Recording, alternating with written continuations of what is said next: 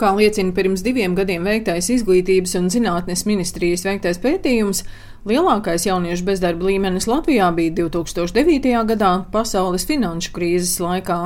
Pēc tam bezdarbs jauniešu vidū samazinājās, tomēr joprojām jauniešu bezdarba līmenis Latvijā ir augstāks nekā vidēji Eiropas Savienībā - ap 20% no visu nodarbināto skaita.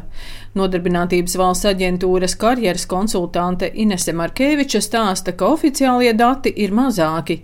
Ja pirms gada bez darba bija 12 tūkstoši jauniešu, tad šovasar 7 tūkstoši jeb 14%.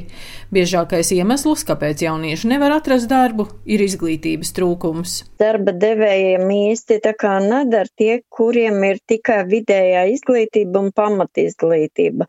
Var vēl prasīt, lai būtu labākas digitālās prasmes, tās pašas svešvalodas, pat ja tiešām ir tā, ka jaunietis apzinās, ka viņam nav ne profesionālās izglītības, ne pieredzes, ir tādi pasākumi aģentūrā viņam pieejami, kas saucās darbam nepieciešamo iemaņu attīstība. Tātad viņš iegūst pirmo darba pieredzi pie konkrēta darba devēja un tie jaunieši, kas ir ieguvuši profesionālo izglītību un viņiem nav pieredzes pašā darba meklēšanas procesā, viņiem arī iesakam izmantot aģentūrā esošos gan uh, karjeras konsultācijas pakāpojumus, gan e-vidē pieejamos elektroniskos mācību moduļus par šo tēmu.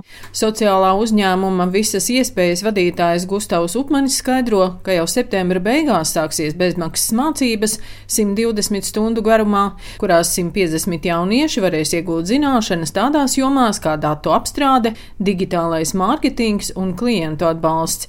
Jaunieši mācībām var reģistrēties interneta vietnē strādā attālināti.lv jauniešiem nav nepieciešama konkrēta izglītība vai konkrētas prasmes, bet kas ir ļoti svarīgi, ka cilvēks ir spējīgs strādāt attālināti. Lielu daļu materiālu cilvēku apgūst savā laikā, un šī interakcija un online tikšanās ar pasniedzējiem un citiem ir tieši tas mērķis, lai izrunātu, kā lietas strādā un kā efektīvāk to darīt klientu atbalsts un datu apstrāde būs latviešu valodā. Savukārt digitālais mārketings, ņemot vērā, ka lielākā daļa termina arī ir angliski un ka tas būs starptautiskais kurs, tas būs angļu valodā. Mācības ir pilnīgi bez maksas, tad šis projekts ir ar mērķi iztestēt sociālu inovāciju, lai viņu pēc tam ieviestu. Un tad jau būs arī nākamais solis, kur ar mentoriem un kompānijām mēs jauniešiem dosim tieši konkrētus jau darba piedāvājumus. Tas, kas mums šajā projektā ir interesants, ir tieši uzsvers nevis tikai uz attālinātu darbu, bet arī uz hibrīdu darbu, kas nozīmē, ka cilvēks, teiksim, reizi nedēļā uh, no Jēkabpils atbrauc uz Rīgu. Un man liekas, ka tas ir tāda unikāla lieta, par ko vēl nav varbūt runāts tik daudz ikdienā.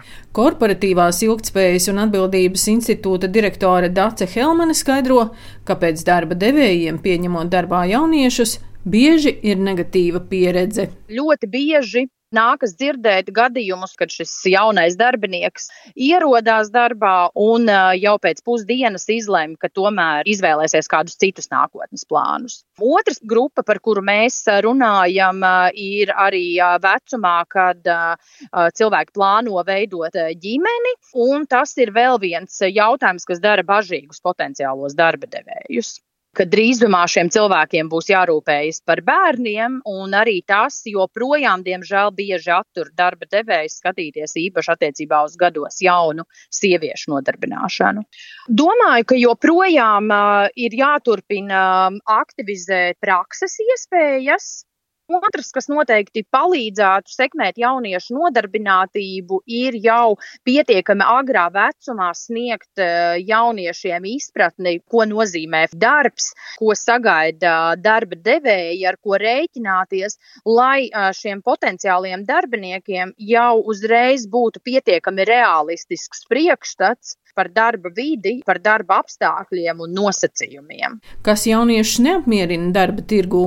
Pirms diviem gadiem veiktais pētījums liecina, ka jaunieši Latvijā biežākā iemeslu savam bezdarbam min nevis to, ka darba vietas nav pieejamas, bet gan ka alga ir pārāk zema.